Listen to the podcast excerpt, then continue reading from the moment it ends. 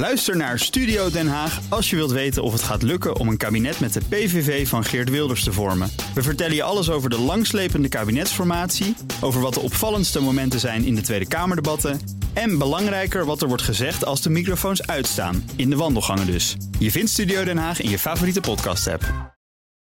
Update. Ja, Nout. Ja. Nog maar een paar uur.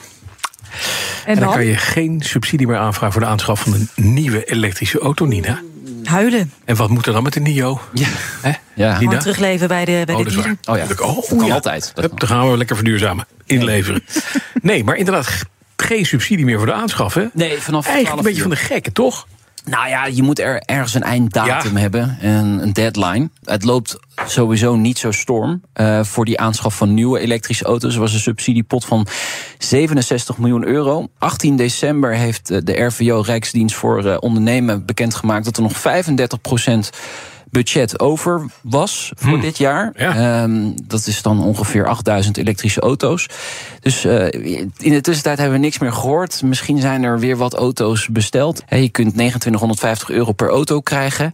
Ehm, je moet wel opletten, want ehm, eh, teken je een contract voor je auto na vanmiddag en tussen 1 januari, eh, dan pis je naast de pot Ja, eh, met de letterlijk. subsidieregeling. Ja. Ja. echt, ja, Dus je inderdaad. moet, je, je Ja. moet al getekend hebben. Ja. Je moet eigenlijk vanochtend eh, het koopcontract echt eh, gesloten Precies. hebben. Want anders krijg je dat subsidiebedrag Nee, eh, dan niet krijg je die meer. 3000 piek niet. Nee, en dan moet je weer naar volgend jaar. Dan zou je vanaf 9 januari weer wat kunnen aanvragen. En dan geldt weer vanaf 1 januari Ja. je koopcontract. Maar eh, ja, de, de, eh, gebruikte auto's, daar ging het heel snel leeg. Daar was het eerder dit jaar al op. Ja. Maar bij nieuwe Nieuw. Auto's, nee, nee, te duur die auto's. Maar dat is het punt, hè? Ja. Particulieren kopen geen nieuwe elektrische auto's, jongens. Dat gaat hem niet worden, tenzij Nee. het helemaal kapot subsidieert, helaas. Ja, Pindakaas, dus blijven inderdaad allemaal lekkere dieseltjes en benzineautootjes rijden. maar vooral eh, benzine. Benzine, is dat wel klopt. echt, eh, ja, ja, dat is redelijk dood. Ja. Duitsland niet trouwens. Maar Nee. dit terzijde. Bij VDL Netcar geloven ze nog steeds in een doorstart van de autoproductie. En dan denk ik van nou, wat hebben ze daar in het grondwater zitten? Nou, maar niet op korte termijn, dat moet ik er wel Oh, bij zeggen. dat is goed. Nee, er heeft natuurlijk net dat eh, massa-ontslag eh, plaatsgevonden. Hè. Dus er werken straks nog eh, nou, ruim 400 eh, mensen bij VDL Netcar. Maar voor de toekomst houdt de directie het vertrouwen op een doorstart. Interview in de Limburger vanochtend met John van Soerland en Paul van Vuren, het directieteam van VDL Netcar. Er is eerder dit jaar een intentieverklaring gesloten, hebben we het wel eens over gehad, met een klant voor de bouw van auto's in 2026. Dus dat is nog eh, ja, zo'n 2,5 jaar. Maar die klant, dat waren allemaal geruchten, allemaal kleine elektrische clubjes uit Amerika, zo toch? Dat is een beetje klein gut, maar dit zou een wat grotere klant zijn. Ja, ja, dat project loopt nog, bevestigen zij in de krant. Maar het heeft nog niet definitief tot een contract geleid, is nu het nieuws. Als dat wel doorgaat, dan kan VDL Netcar zeer snel opschalen, zeggen ze, naar 4000, 5000 werknemers en misschien wel meer. Dus ja, ja, dus ze zitten echt te wachten op ja, dat contract. Gaat dat gesloten worden? En dat is dus super belangrijk voor de toekomst van VDL Netcar. Ja. Dan even in Duitsland, hoorden we vanmorgen, wordt de zaak heropend tegen Martin Winterkorn, de voormalige topman van Volkswagen. Ja. Ja, die al eigenlijk zijn baan kwijtgeraakt is na het dieselschandaal. En die eh, alle ellende over zich heen kreeg. En een gevangenisstraf eh, vooruit kon zien. Maar nu opnieuw een heropening van die zaak. Leg uit, wat er is aan de hand. Ja, kijk, het zit als volgt. Hij wordt nu dus verdacht van marktmanipulatie. Dat Ja. is eigenlijk een aanklacht die in 2019 ook al tegen hem is ingediend. Mhm. Justitie in Duitsland heeft toen dat onderzocht. In 2021 eh, zijn ze niet overgegaan tot eh, vervolging. Maar eh, de rechter is nu toch weer gevraagd om zich nog een keer over de zaak te buigen. Dus wellicht is er nieuwe informatie gekomen. Wat dat dan zou zijn, dat is niet bekend. Heb ik ook nog niet kunnen terugvinden in, in Duitse media. Maar waar hij eigenlijk van verdacht wordt, is dat hij niet op tijd de investeerders in Volkswagen heeft bijgepraat over de gevolgen, de financiële gevolgen eh, van Dieselgate. Dus het gaat niet zozeer over dat Dieselgate aan de gang was eh, binnen Nee, nee, eh, precies. Volkswagen, Maar maar, hij had vooral moeten wat daarna, melden. Precies, wat daarna Precies, gebeurde. En ja, die gevolgen waren toch wel heel erg groot. Kijk, het kostte Volkswagen tientallen miljarden aan schadevergoedingen. Maar ook de beurskoers van Volkswagen die is destijds echt verdampt. Eh, dus dat gaat ook om miljarden euro's. Mhm. Eh, ja, ik weet niet hoe dik de bankrekening van meneer Winterkorn is. Hij heeft volgens mij. wel wat, hoor. Ja, maar niet zoveel, denk ik. Nee, nee, Maar goed, dat, dat zal altijd een soort ja, eh, compromis worden, natuurlijk. Ehm, het is niet bekend wanneer deze zaak dient. En of die überhaupt dan eh, vervolgd gaat worden. Dat moet dus nog besloten worden. Dus we gaan het zien. Oké, dan Ja. even een ander nieuwe schandaal.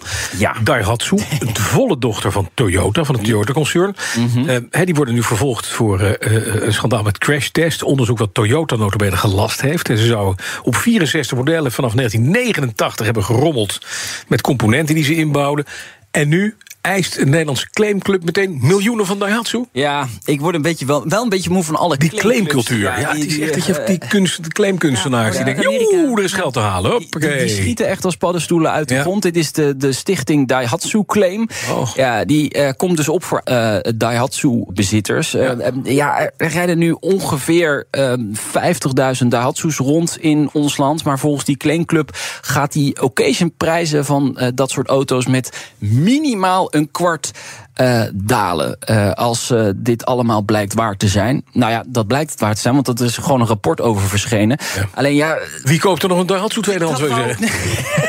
nou, ten eerste, het, ze kunnen alleen maar tweedehands ver- verkocht worden. Want nieuw krijg je ze toch niet meer al tien jaar in, Maar- in Nederland.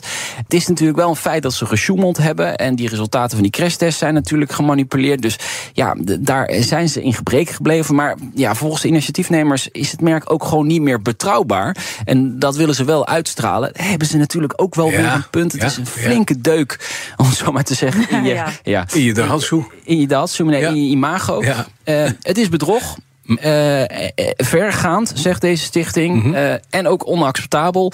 Maar of die 50 miljoen euro er gaat komen. Ja, dat is even dat is wel Ja, even de vraag. Ik vraag me af hoe ver dit schandaal nou eigenlijk reikt. Hè.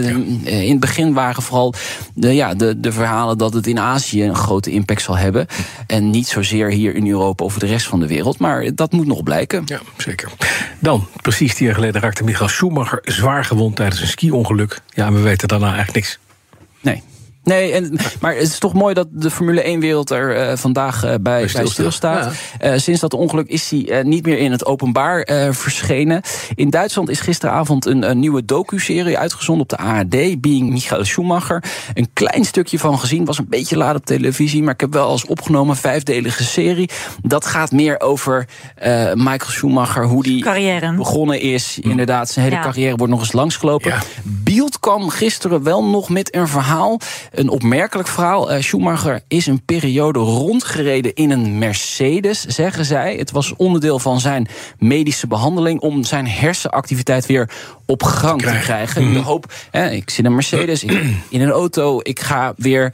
Ja, Het voormalige Ferrari-coureur stop je in de Mercedes. Ja, dan word je wel hij heeft wakker. ook bij. Mercedes een, een Oh, waar, periode ja. gezeten. Ja. En hij was ook ambassadeur voor het merk. En er was nog een nieuwtje van beeld over het medisch team. Dat Schumacher zou verzorgen 24 uur per dag. Dat zou bestaan namelijk in totaal uit 15 artsen. Masseurs en assistenten, zeggen zij. Ja. Dat laat wel zien dat hij nog altijd heel veel zorg, nodig zou, Ja, zou hebben. dus, maar ja. niemand weet dus echt exact hoe het met hem gaat. Nee. En dan wordt dus ook echt. Dat is echt heel over knap dat er, gezegd. niet, dat er niet over gelekt wordt. Ja, er, gebe- er gebeurt wel eens wat. Maar dan zit de familie er bovenop. En Ja. dan eh, wordt meteen de, de kop ingedrukt. Ja. Klaar. Ja, ja, dat, dat en is- iedereen heeft ook wel het idee, dat doe je niet. Het is gewoon niet chic. Nee, is het ook. Nee. Nee. afgesproken doen we niet. We Nee. wel niet. Nee. Dat, Nee. je moet iets, en, eh, ga ervan uit, het is een hoopje ellende. Ja. Ja. Nee, dat moet je gewoon eh, inderdaad respecteren. Ja, dat, eh, als de familie dat niet wil, dan moet dat ook gewoon zo zijn. Vanmiddag in de Nationale Autoshow. Nou, wat ga je doen? Vlak. Laatste stukje, hè? Ja, laatste eh, stukje. We zitten vlak voor de jaarwisseling. Hoe eindigt dit autojaar? Uiteraard kijken we daarnaar. Eh, we maken de autoblog Auto van het Jaar eh, bekend. Eh, we blikken nog één keer terug op het autoverhaal van het jaar. De, de Palmen-collectie eh Barnfind. Hè. Wil je dan nog één keer in je gal overspulen? Of, of? Nee, dat hoeft niet meer. Ik geloof dat ik dat uitgebreid gedaan heb. Al die mensen die zo'n ding gekocht hebben, die zitten nu met de gebakken peer, letterlijk. Ja, Die hebben te veel, Ja, eh, te veel betaald. betaald. En we testen, ja echt waar, Meindert hebben we in een, eh, in een Prius gekregen. Eh, de, de nieuwe generatie Toyota Prius. Meindert Ja. is er mee op pad gegaan. En hebben jullie de sleutel van tevoren gepakt en van buitenaf afgesloten, dat hij niet uit kon? Hij zit er nu nog Hij zit er nog steeds in. Ja. En, en, en trouwens, ik wil nog één ding. Ja. Ehm, ik wil Liesplan nog even bedanken. Want zij hebben deze auto Auto-update en de Autoshow heel lang mede mogelijk gemaakt. Daar stoppen ze per 1 januari mee. Hmm. Ik wil toch bedanken voor eh, de hele mooie tijd die, die, die zij hebben eh, mogelijk gemaakt. Ja. Eh, dus eh, dat wil ik nog even zeggen. Ja, want het, het punt is dat wij hebben de leaseplan destijds binnengehaald. dat is ook alweer Als lang. oprichters van de Nationale Autoshow, is 15 jaar geleden zo'n beetje. En wat betekent dat voor de auto-update, eh, Nout? Ja, dat eh, gaan we, We gaan volgende gewoon week door, zien. Eh, ja, ik, als, ik, mag, als ik gewoon langs moet door. komen, kom ik langs. Je moet gewoon langskomen, klaar. Wie Staat- weet komt er wel weer een nieuwe, hè? Wat, wat denk je? Sponsor. Tuurlijk wel. Nout Broekhoff, dankjewel en uh, goede jaarwisseling. man. Jullie ook. Hoi. De auto-update wordt mede mogelijk gemaakt door Leaseplan. Leaseplan. What's next? Ook Liesbeth Staats vind je in de BNR-app. Ja, heel handig. Luister live naar Kees en mij tijdens de Daily Move. Dan blijf je ook gelijk op de hoogte van breaking news en het laatste zakelijke nieuws. En daar vind je ook alle BNR-podcasts, waaronder de Perestrooikast. Download nu de gratis BNR-app en blijf scherp.